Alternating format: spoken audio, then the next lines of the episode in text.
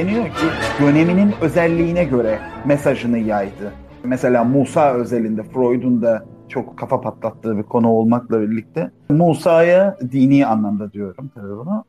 Dini yorumda büyü daha ön planda olduğundan dolayı mesajını büyüyle anlattığını, Muhammed'in baktığımızda Arap dünyasında şiirin daha ön planda olduğundan dolayı şiirsel bir anlatımla mesajı ilettiği dini anlamda belirtiliyor. Aslında bunları ben dönemlerin siyasi yapılarıyla benzeştiriyorum sen felsefi anlamda. Hocam Çünkü şimdi baktığımızda... peygamber gelse TikTok'a gelecek o zaman. O yüzden geldi. Ha, yani hani, hani o da olabilir. Yani o da o da o da olabilir. Yani şimdi bunları Gelse, siyaset çok ciddi bir ikna problemi var. Siyaset ve güç erki olarak ısrarla dur- durmak lazım. Çünkü Tanrı kral diyorduk anımsıyorsanız. Yani kralın gücü nereden geliyor? İlahi kudretten geliyor. Esprisiyle aslında insanlık yüzyıllar boyunca idare edildi. E şimdi baktığımızda örneğin örnek veriyorum tamamen işte Amerikan milliyetçiliğinin dediğimizde en belirgin özelliği aslında güçlü dinciliğiyle onun Avrupa milliyetçiliğinden farklı kılan da bir Mesihçilik anlayışı vardır aslında baktığımızda. Bu ve bunun gibi birçok örnekte verebiliriz. Ya bu muhakkak böyle. Bu konuda benim birkaç eklemek istediğim bir şey var. Öncelikle bu mezhepler konusu sadece İslamiyet'te değil birçok mezhep söz konusu. İşte şey anlatılır mesela Anglikanlık İngiltere'de işte bir İngiliz kralı boşanmak istemiş. Sırf boşanabilmek için ayrı bir mezhep ortaya çıkmış denir. Bu ne kadar doğru yani büyük oranda da doğru kısmen. olduğu düşünülüyor kısmen yani evet. Bu mesela ikincisi şey çok enteresandır. Yine ben bunu bir İncil üzerine çalışan bir kişiden dinlemiştim. Bu şey üzerine Yahudiliğin işte eski ahit vesaire hikayesinde hep bir bir küçük bir büyük vardır. Bir kuzey güney vardır. Bir bir şey vardır. Ta o eski zamanlarda belki antik zamanlarda o ilk hikayelerde Yahudilerin sürülmesi mesela. O birçok yerde oturmuştur. Yani bütün bir din neredeyse e, şey üzerine kurulmuştur.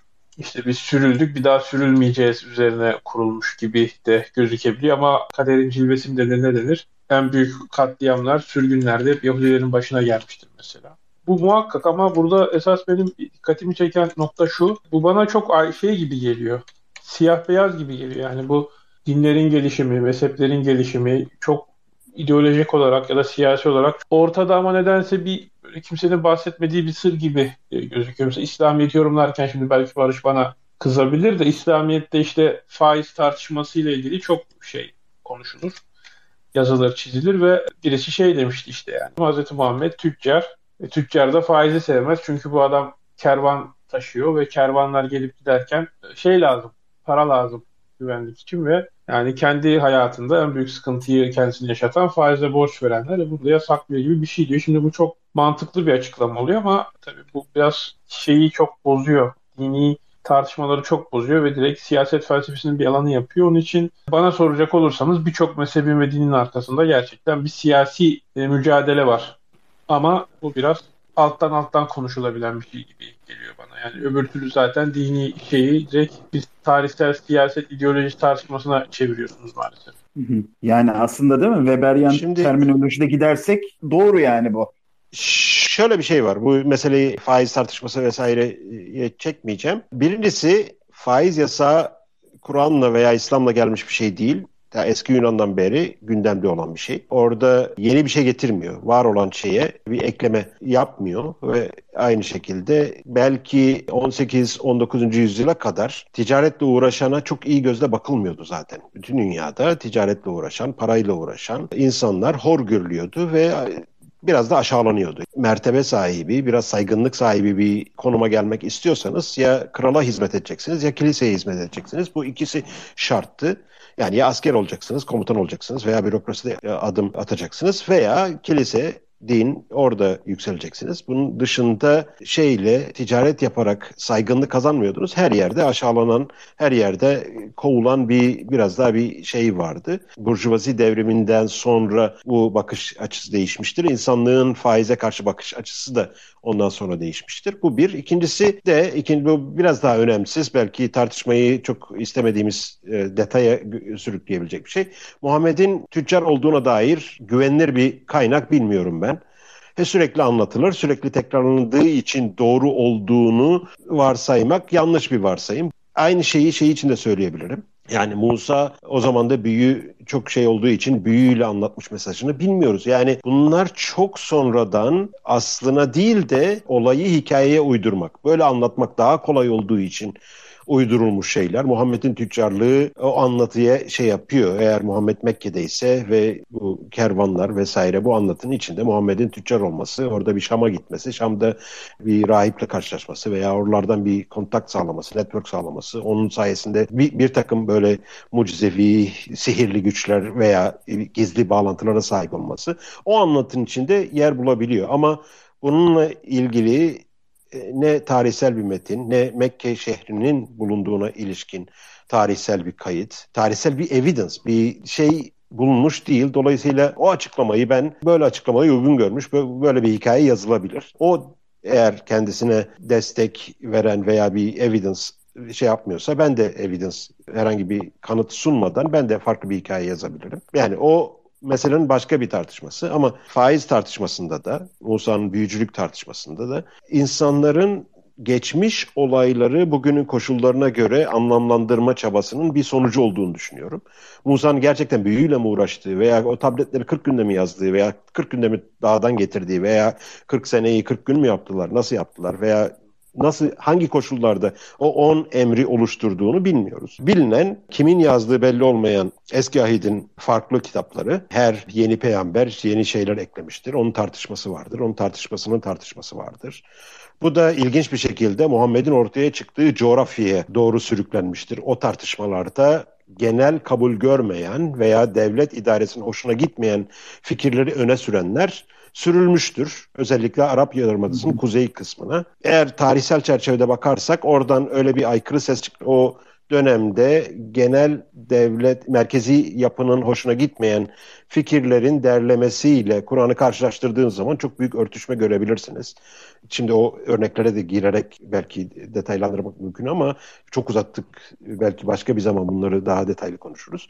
Muhammed'in öyle bir şeyle çıkıp öyle bir tartışmada ya bu işin aslı böyledir benim de fikrim budur veya bana da böyle hani bir soru sorulduğunda ben böyle cevaplarım şeklinde bir ortaya çıkması daha mantıklı geliyor bana. Şeyden hiç bilinmeyen bir Mekke'den öyle bir kervanla çıkıp mesajın ulaştırmasından daha mantıklı kabul edilebilir görüyorum bunu açıkçası. İşin bir de tabii şöyle bir durumu var. İlker Hoca'nın en başından beri belirttiği bir durum var. Yani insanı Tanrı, Tanrı'yı kendi suretinde yarattı derken her inanç kendine göre bunun bir cevabını veriyor. Hepsi de farklı. Fakat inançlar içerisindeki mezhepler veya ezoterik algı, işte mesela Bahayilikten vesaireden bahsederiz kim zaman. Burada işler daha çok karmaşıklaşıyor. Yani o Tanrı'yı tanımlama hatta coğrafi anlamda da değişen bazı durumlarla karşılaşıyor. Orta Doğu örneğini verdin. Sadece Orta Doğu dersek yanılırız. Yani şu an dünyaya hakim olan inanç sistemleri evet belki Orta Doğu'dan çıkmış olabilir ama anlatımlar e, dünyanın çok farklı yerlerinde de var.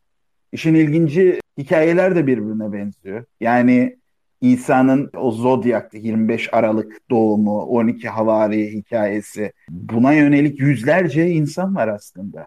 Ve hepsinde de aynı. Krishna aynı. Mesela Mitra aynı baktığımızda. Bir de böyle de bir durum söz konusu dünyanın farklı yerlerinde hemen hemen aynı durumlar. İşte 12 havari, suyun üstünde yürüme, ölüleri diriltme. Sanki dünyada böyle bir durum olmuş bir anda sanki ve hepsinde de bir 12 takipçi. Biri onu satıyor, biri onu ihbar ediyor. Ya aslında şey gibi de geliyor bana ne bileyim örneğin Amerika yerlilerinin mitolojisi hiç buna benzemiyor bir yandan ya da Hı. İskandinav mitolojisinde de çok böyle örtüşmeler olmayabiliyor. Tabii orada yani belki de Orta Doğu vurgusu o kadar e, tesadüfi olmayabilir. Tekrarlayan bir patern var. Ne bileyim işte Nuh tufanına ilişkin hani çok benzer şekilde çok bilinen örnekler bunlar. İşte Sümer inanışında da işte e, hoca bahsetti ya insanlar çok gürültü yapmış. Enlil'in de kafası şişmiş bir sel göndermiş ki bunlar işte gürültü kessinler falan diye. Ama ortada selle ilgili bir şey var. Yani buzul çağının, son buzul çağının çözülüşü aslında Orta Doğu'da da değil aslına bakarsanız. Mesela Kuzey Amerika'da da benzer çok devasa sellerden bahsediliyor aynı dönem içerisinde o sel e, anlatısının tekrarlanmasına sebep olmuş. Ama onun haricinde ihanet de çok insanlıkla iç içe bir kavram zaten. İhanet e, diğer anlatılarda çok bu kadar insan hikayesinde olduğu kadar kuvvetli yer bulmasa da ne var diğer e, inanış modellerinde, sistemlerde trickster god denen bir kavram var mesela. Hilebaz tanrı. Yani bu Navarro yerlilerinde aslında coyote e, hilebaz bir tanrı. Ama onun yaptığı bir takım karışıklıklar, kaos, dünyada bir şeylerin alt üst olmasına ve o alt üst olmadan da insanın ortaya çıkmasına falan neden olabiliyor gibi. Şimdi bu anlatı mesela bu kozmogenez anlatısı hani dünya ve insanlık nasıl ortaya çıktı farkındaysanız çok tanrı, tek tanrılı dinlerde, Semitik dinlerde pek karşılığını bulmayan bir anlatı biçimi gibi de geliyor bana. Bir çeşitlilik de var bir yandan elbette. Bir de hocam şeyde özellikle yazıya geçirilmemiş hikaye anlatılarında kulaktan kulağa veya nesilden nesile aktarılan hikayelerde şöyle bir genel trend var. Genel eğilim var. İnsanların eğilimi. Bu hikayeyi olabildiğince abartıp mitolojikleştirmek. Yani adam uzun boyluysa önce 2 metre oluyor. Sonra 5 metre oluyor. Sonra 20 metre oluyor. Calut diye bir şey çıkıyor karşına. Davut da ona bir sapanla öldürüyor vesaire. Yazılı olmamış ama nesilden nesile aktarılmış şeylerde hikayenin çekiciliğini arttıran bir mesele bu. Eğer yazıya geçirilmiş, ilk ne zaman yazıya geçirildiğini tespit edemiyorsak ki bütün hemen hemen bütün bu hikayelerin ilk nereden çıktığını, çıkışını bilmiyoruz. Bu daha önce oluşmuş işte lozoların erimesi olabilir veya ne bileyim bir göktaşı çarpmış olabilir. Bunu şeye bir şeye atfetmiş olabilirler. O zamanın metodolojisiyle, o zamanın causality, nedensellik ilişkisini şey yaptık, bir yaptık. Tanrı da bizi cezalandırdı, bize taş gönderdi vesaire. Böyle bir şey de olabilir. Yani bunun nesil nesilden nesile aktarılmasında bizim karşımıza son derece böyle ve son derece inanılması güç olaylar karşımıza çıkması çok şey değil. Bunun hani benzeşen şeyleri de olabilir. Hatta Velikovski Affair diye bir şey vardır. İlker Hocam siz biliyor musunuz bilmiyorum. Konuyu araştırdınız mı?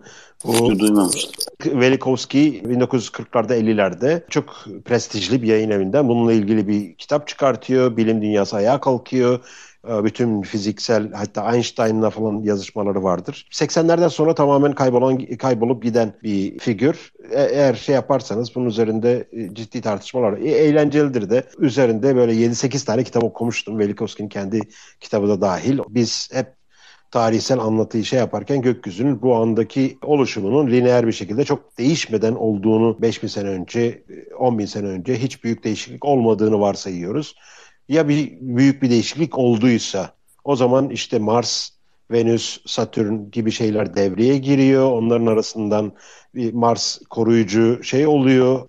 Satürn şeytan oluyor. O bize saldırıyor, dünyaya saldırmaya çalışıyor. Mars önüne geçerek onu şey yapıyor. Oradaki o hatta şeyde Türk bayrağındaki o ay yıldız hikayesi de aslında ay değildir. O Mars ve Venüs'tür. Oradaki yani bu mitolojik Hilal'in şeyi bizim bugünkü aile hiçbir alakası yoktur. Mitolojik olarak Hilal'in insan şeyinde e, mitolojik bir sembol haline gelmesinde. Tabii yani 100 sene önce değil bu olay. Hilal e, çok uzun zamandan beri kullanılıyor. Oradaki iki gezegen Mars Venüs olması lazım. Buna benzer şeyleri yani Velikovski o zamanlarda böyle dile getiriyor.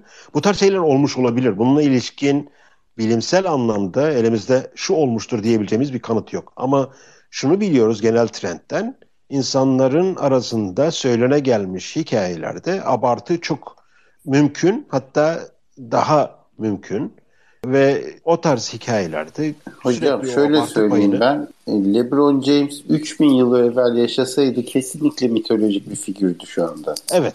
Heh, onu şey yapıyorum. Başka bir şey daha şey yapacağım. Burada hani yazılı olarak kaynak olduğu için şey yapıyoruz. Kur'an'ın ikinci chapter'ında çok basit bir yaratılış hikayesi anlatılır. Başka yerlerde tekrar edilir. Nedir şey? İşte Allah meleklere diyor ki ben bir halife yaratacağım. Ondan sonra bu yarattığı halifeye kelimeleri öğretiyor. Meleklere diyor ki siz secde edin. Şeytan secde etmiyor. Sec onun için de insan cennete kul. E ondan sonra bu ağaca yaklaşmayın diyor. Şeytan şeyin Adem'le eşini kandırıyor. Bunlar cennetten kovuluyor. O yüzden de biz dünyadayız. Hikaye genel olarak hemen hemen herkesin bilebileceği şeyde bakabilirsiniz. İkinci chapter'ın 28-29 civarında başlar ve 7-8 verse'de bu e, hikayeyi anlatır. Şimdi bu hikayeyi bu şekilde anlattığınız zaman ya böyle bir şey mümkün mü diyorsun? Bugün biyoloji dersinde öğrendiğimiz, Big Bang'de öğrendiğimiz hiçbir şey uymuyor diyorsunuz ama şimdi kullanılan kelimeler ilginç. Şimdi halife dediğimiz şey devam eden veya bir şeyi sürdüren demek. Successor. Successor demek bunun bir öncesi var demek. Successor'ın tam karşılığı işte halife oluyor ama halifenin de tam karşılığı vekil diyorlar. O vekil değildir aslında. Yani bir şeyin successor. Şimdi successor, vekil daha öncesinden ne yapıyormuş? Orada kan döküyormuş. Melekler diyorlar. Orada kan dökecek birisinin şey. Bu successor'ın öncesi kan döküyormuş. Biraz önce benim bahsettiğim hayvanlar arasındaki o şiddet ve şiddetten farklı bir çözüm olmama. Şiddetten farklı bir çözüm geliştirmek için dil öğrenilmesi gerekiyor. Bu da Tanrı'nın Adem'e kelimeleri öğretmesi demek. Bu language aşamasını gösteriyor. Language aşamasından sonra melekler nasıl Adem'e secde ediyor? Meleki eğer siz o kralın elçileri vesaire kanatlı elçileri falan olarak anlarsanız bir secde teatral olarak etkileyici oluyor. Anlatım olarak kolay oluyor ama çok bir mantığı olmuyor.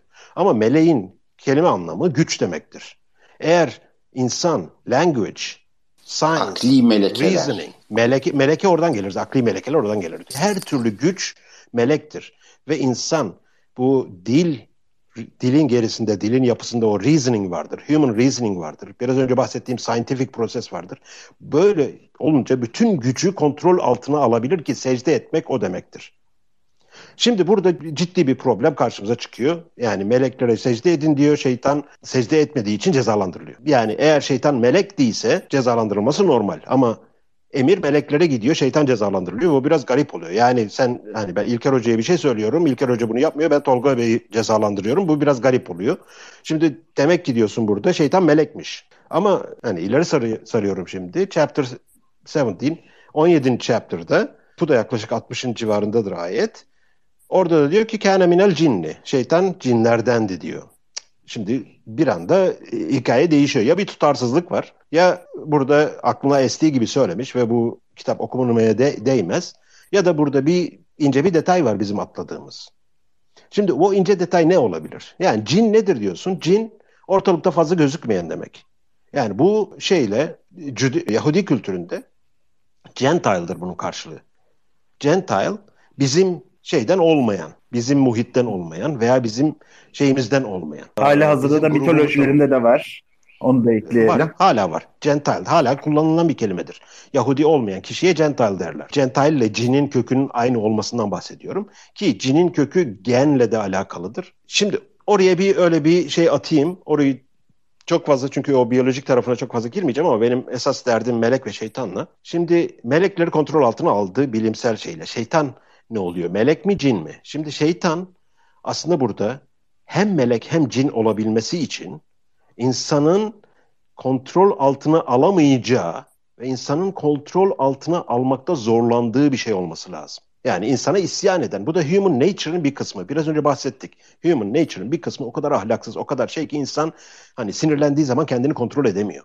İnsan kendi e, şeylerinde ki başka yerlerde mesela insanın kendi kendini kontrol etmesi üzerindeki zayıflığı vardır. Aynı şekilde alkolün şeytana fırsat verdiğinden bahseder Kur'an.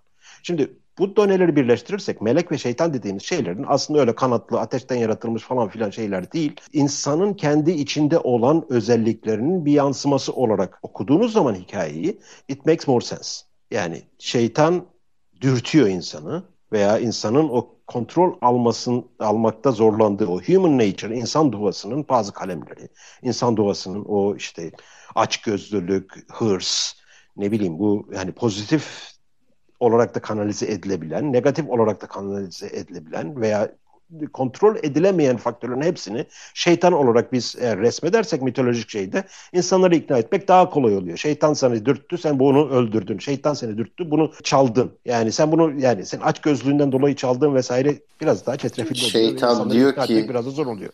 Ha, şeytan diyor ki şunu yap. Bu bütün bu şeyde eğer biz bunu ayrı ayrı varlıklar olarak şey yaptığımız zaman anlatması, aktarması, nesilden nesile aktarması. Ya çocuğuna aktaracaksın bunu. Çocuğuna nasıl aktaracaksın? Çocuğuna bu şekilde aktardığın zaman çocuk bunu ezberliyor. O onun içinde bir hani meme olarak mı kalıyor, bir karakter olarak kalıyor veya nesilden nesile aktarım böyle mümkün oluyor. Bunun üstüne fazla kafada yormadığın zaman da ya böyle saçma hikaye mi olur diyorsun ama neyse hadi itiraz etmeyelim Allah çarpar diyorsun, şeytan çarpar diyorsun, bir şey diyorsun. Kaçıyorsun bir şekilde ve sorumluluktan kaçıyorsun. Acaba şöyle de tanımlayabilir miyiz o şeytan durumunu? Homo sapiens'in ilk sorgulama sırasında işte güneşi görüyor mesela en kudretli olarak gördüğü şey güneş. Güneş iyilik, evet iyilik, güzellik, ve güneş battığında gece, kötülük, korku. Yani o anlatımın özünde de acaba yine o ilk insanın sorgulamasıyla birlikte yola çıkacağımız bir hikayeye birleştirebilir miyiz? İşte şeytan dedim mesela. E, melek dedin. Yine burada bir ikilem var aslında baktığında.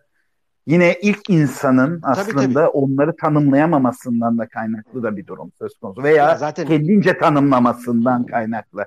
Az evvel e, şeyi anlattım ya bir sürü İsa var. İsa'nın hikayesi. İşte mesela Horus diyoruz. Horus yine güneşle bağlantılı. Senin anlattıklarını da o şekilde birleştirmeye çalışıyorum. Farklı özelliklerin ortak hikayelerde tekrarlara tekrarlara anlatılması hikayeleri de benzeştirebilir. Eğer insan Hı-hı. doğası benzer suçlara, benzer ahlaksızlıklara neden oluyorsa çoğu toplumda ki insan doğasının o değişmez bir bütünlüğü var. 5000 sene öncesiyle bugün arasında veya 10 bin sene öncesiyle o hırstır, o ne bileyim açgözlüktür veya o servet edinip bunu artırma veya statümü yükseltme meselesi her dönemde göre, görebileceğimiz, her toplumda görebileceğimiz bir şeydir. Ve bu özelliklerin benzer e, figürlerle mitolojik hale getirilmesi çok yatsınmayacak bir şey ve bunun mitolojik olarak anlatılması, daha sonra da bu mitolojik haliyle kağıda yazıya geçirilmesi çok üzerinde şaşırma, şaşırılmaması gereken bir şey. Yani bunun arkasındaki esas şeyi anlama daha çetrefilli, daha fazla kafa yor yormayı gerektiren bir şey. Bunu bu şekilde kabul etmek daha kolaycı bir yaklaşım ve ancak şu oluyor, e, hikayenin nedenleriyle hikayenin oluşum şekliyle, hikayenin ana mesajıyla, hikayenin verdiği actual mesajı arasında bir kopukluk oluşuyor. Bu da işte biraz önce bahsettiğimiz dinin o ritüellerin şeyden o esas reason'dan, esas oluşum nedeninden daha önemli hale gelmesi. Yani sen oradaki namaz yani Kur'an'da namaz geçmez de or, oradaki espriyi anlamayıp dirseklerine kadar suyla yıkadın mı yıkamadın mı o daha önemli. Veya Kur'an'da en fazla tekrarlanan emirlerden bir tanesi emri bil maruf nehyanil münkerdir mesela şeyde. Ne, biraz önce söylediğim yani emri bil maruf dediğin zaman bu şey olarak çevirirler yanlıştır. İyi emret kötülükten sakın diye çevirirler çoğu yerde. Emri bil maruf maruf Türkçe'de bildiğimiz arefe kökünden gelen arif veya örf bu bilinen demektir veya tekrarlana tekrarlana iyi olduğu üzerinde hemfikir olunan ve ispatı olunan şeylerin tekrarlanması veya bunun tavsiye edilmesi veya bunun yaşatılması. Şimdi bu biraz önce söylediğimiz ahlaki meseleyle yani ahlak bir temel olacak dini onun üzerine koyabileceksin. Dini alta koyup herhangi bir ahlak olmadığı zaman bir anda bocalıyorsun işte. Kıyamet bazlı ahlak oluyor senin ideolojine, senin inancına uymayan herkese her türlü ahlaksızlığı yapabilirsine kadar götürüyor işi. Ama ahlakı temele koyduğun zaman ki ben onu anlıyorum emri bil maruftan yani bilineni, o ahlaklı olanı şey yapan en fazla tekrarlanan emirlerden bir tanesidir. Ama bugün hani İslam'ın beş şartının arasında da konmamıştır. O beş şartı klasmanda nasıl değerlendirdiler bilmiyorum. Nasıl soktular. O ilk top 5'a girememiş. Nedense. Yani oruç bir sefer geçer. O girmiş. E, emri bil maruf çok fazla bir şekilde geçer. O girememiş mesela. O çok ciddi bir şeydir. Yani buradaki o biraz önceki söylediğim ahlak anlatısıyla örtüşen bir mesaj olduğu için bunu tekrarlıyorum. Şimdi bu tarz şeyleri ana mesajı unutturuyorsa eğer ritüel, mitoloji ve dini öğreti din çok tehlikeli bir şey haline geliyor ve afyon haline geliyor. Ama esas kaynağında, esas bu meselenin aslında bilimde de, dinde de, felsefede de yani belki bu üçünde de en başta söylediğim o ilk şey var diye bir endişe ve korkunun aşılması. Diğer taraftan da dış dünyanın anlaşılması, o merak, o curiosity'nin giderilmesi için kullanılırsa her üçü de son derece faydalı olabilecek bir kurum diyeyim artık. Social construct veya kurumsallaştığı için bilim veya din. Ama tersi yönde olduğu zaman bilim de çok ters sonuçlar bile e, verebiliyor ki 20. yüzyıl bunun çok ciddi kanıtıdır bilim adına neler yapıldığına ilişkin. Hiç tekrarlamaya gerek yok. Din adına yapılan katliamlar ve ahlaksızlıklar ve vicdansızlıklar ve cinayetler ve onun da savaşlar, onu da hiç tekrarlamaya gerek yok. Yani bu her ikisinin de öyle bir çok tehlikeli bir yerde durduğunu düşünüyorum. Yavaş yavaş kapatmak istersek çünkü 3 saate mi yaklaşıyoruz ya? Hocam kapatalım. Sadece şeyi bir çağrışım paylaşayım sizinle. E, şeytan dürtüyor dediniz evet. ya. Dürtü diye bir kavram var zaten.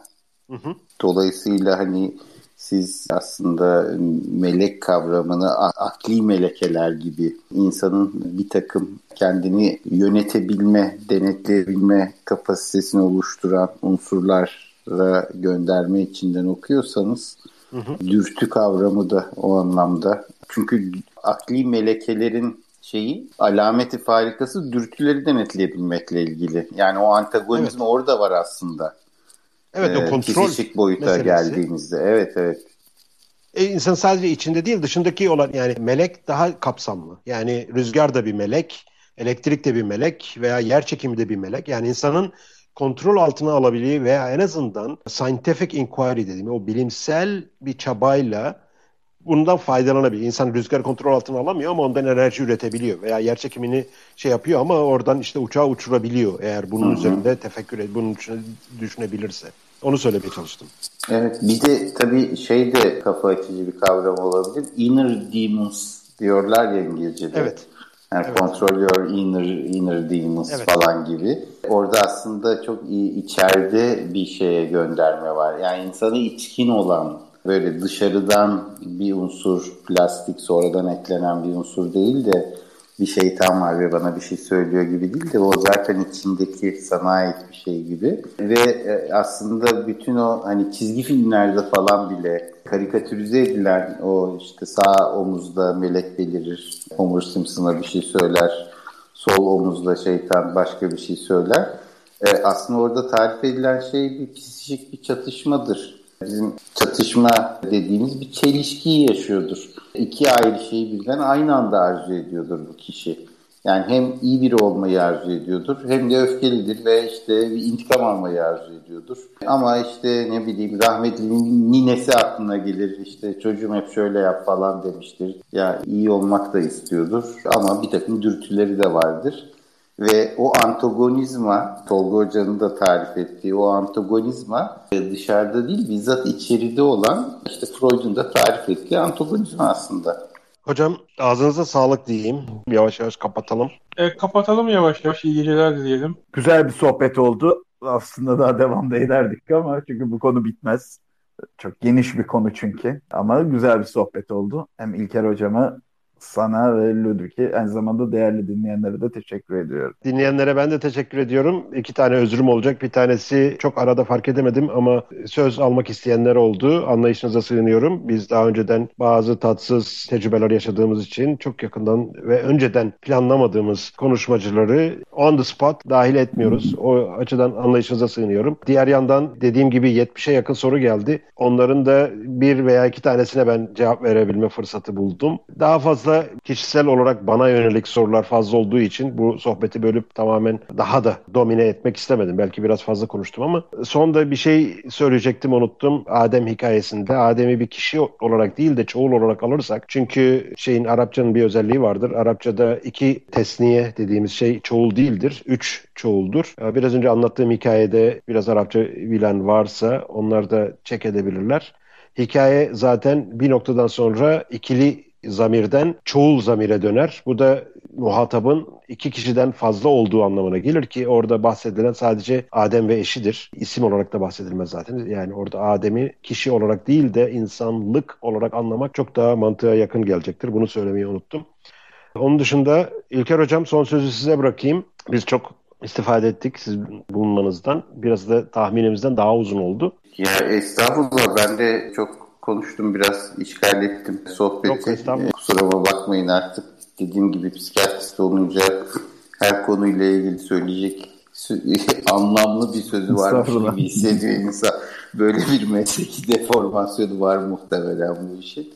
Ama şey yani dediğim gibi bu konu üzerine akıl yürütmek, fikir yürütmek, e, anlamaya çalışmak zaten insanla hani ilgileniyorken o insanın kurduğu ve bu kadar kuvvetli bir kavramı düşünmemek nasıl mümkün çok bilemiyorum. Şeyi dini e, inanma halini ve Tanrı'yı, peygamberi, işte meleği, şeytanı ne varsa o anlatının içinde ve bunların insan zihnindeki karşılığını merak etmemek demek, insanı da merak etmemek demek gibi geliyor bana. Çünkü dediğim gibi çok tekrarlayan, çok merkezi bir yerde duran bir kavramlar sisteminden bahsediyoruz din deyince.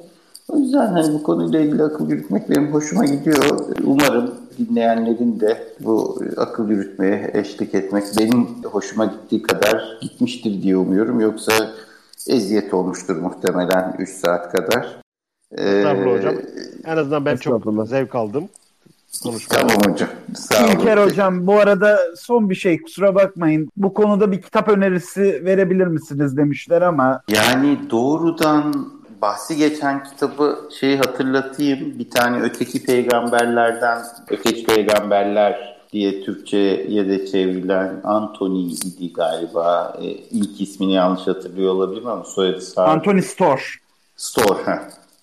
Öteki peygamberler. Bir yine çok enteresan ben fırsat oldukça yani bir şey editör, yayın evi falan varsa gerçekten şey hayır e, işlemiş olur şu kitabı Türkçe basarsa. E, bir Cameral Mind diye bir kitap var. E, o da insanın zeka falan değil de bildiğimiz anlamda bilincinin nasıl geliştiği ve bu bilinçlenme halinin de işte tam da şey iç ses, dış ses vesaire bütün bunları ayrıştırma kapasitesinin nasıl geliştiğini tarif eden sansasyonel, spekülatif ama bu spekülatif olduğu ön kabulüyle de çok kafada karıştıran, çok kafada açan o anlamda güzel bir kitap. Bir Cameral Mind onu da tavsiye edebilirim. Onun haricinde bağlanma ve din konusunda Kirkpatrick bütün kariyerini bu konuya vakfetmiş olan bir insandır. Kirkpatrick'in de şimdi adını hatırlayamadığım bir kitabı var zaten. Hani sadece bağlanma ve din üzerine. Adı da böyle bir şey de olabilir. Şimdi hatırlamıyorum adını. Ee, onu da önerebilirim diye böyle hızlıca aklıma gelenler bunlar ama muhakkak kıymetli kitaplar da vardır alanda. Ben hemen iki tane çok çabuk okunabilecek ve genel olarak yani bu konudaki literatürün belki önünü açabilecek. Kendi anlamında da bu şeyde ilk başladığım, okumaya başladığımda çok beni etkileyen ve onun dipnotlarından farklı kaynaklara ulaştığım iki tane kaynak var. Bir tanesi Muhammed İkbal'in The Reconstruction of Religious Thought diye yaklaşık 100 sene önce yazılmış kitabı. 6 bölümden oluşan bir kitap ama çok ufuk açan bir kitap. Diğeri de Robert Wright'ın Evolution of God. Özellikle dinler tarihi ve kültürel evrim diyeyim çok beğendiğim bir kavram değil ama Evolution of God o açıdan çok çabuk okunabilecek. Hani plaj kitabı diyebileceğim veya uçak kitabı diyebileceğim. Uçakta alıp okuduğunuz zaman kimsenin böyle yüzünüze garip garip bakmayacağı kitaplardan bir tanesi. O ikisini ben de hemen tavsiye edeyim. Şu anda aklıma gelenler bunlar. Onun dışında 7 dakika sonra 3 saati tamamlıyoruz. Herkese çok teşekkürler. İlker Hocam yine bekleriz. Tekrar ederiz bu tarz şeyleri. Çünkü bayağı bir birikmiş soru var. Belki onlar için ayrı bir bölüm daha yapma, ayrı bir sohbet daha yapmak gerekecek. E, iyice Ramazan sohbeti ruhuna uygun olması için iyice soru cevap kısmı şeklinde yapalım. Belki hani caiz midir değil midir üstünde doğrudan belki gidelim. canlı soru alabileceğimiz bir platforma ulaş şey yapabilirsek belki Ha. öyle de yapabiliriz. İşte Cu- Curious Cat'ten gönderirler. Ben de sakallar da uzadı nasıl olsa e, caizdir değil diye. Ha, sakızla oruç tutabiliyorlar mı hocam? En son onu size soralım. O soruyla kapatalım madem. Ya bana kalsa tutmasınlar kardeşim. Bu kadar olduysa içine tutma hani. hani tu- ne Ya- yiyecek misin sakız çiğneme sen? Tutma. Bu Yan- kadar ya- önemliyse Yan onlar her zaman ilgi çeker. Eğer sakız önemliyse sakızı tercih edin. Oruç önemliyse orucu tercih edin. Gönlünüzde içinizde ferah olsun diyelim. Herkese çok teşekkürler. İyi sahurlar mı diyeyim? Saat kaç orada? Bir oldu. bir Hayırlı Ramazanlar. En en azından teravihi bizimle birlikte şey eda ettiler. evet. Evet iyi Ramazanlar. İyi Ramazanlar. İyi Ramazanlar. tabii. İyi Ee, Ramazanlar. Çok teşekkürler dinleyenlere. Size de davet için teşekkürler. Görüşmek üzere. Bay bay.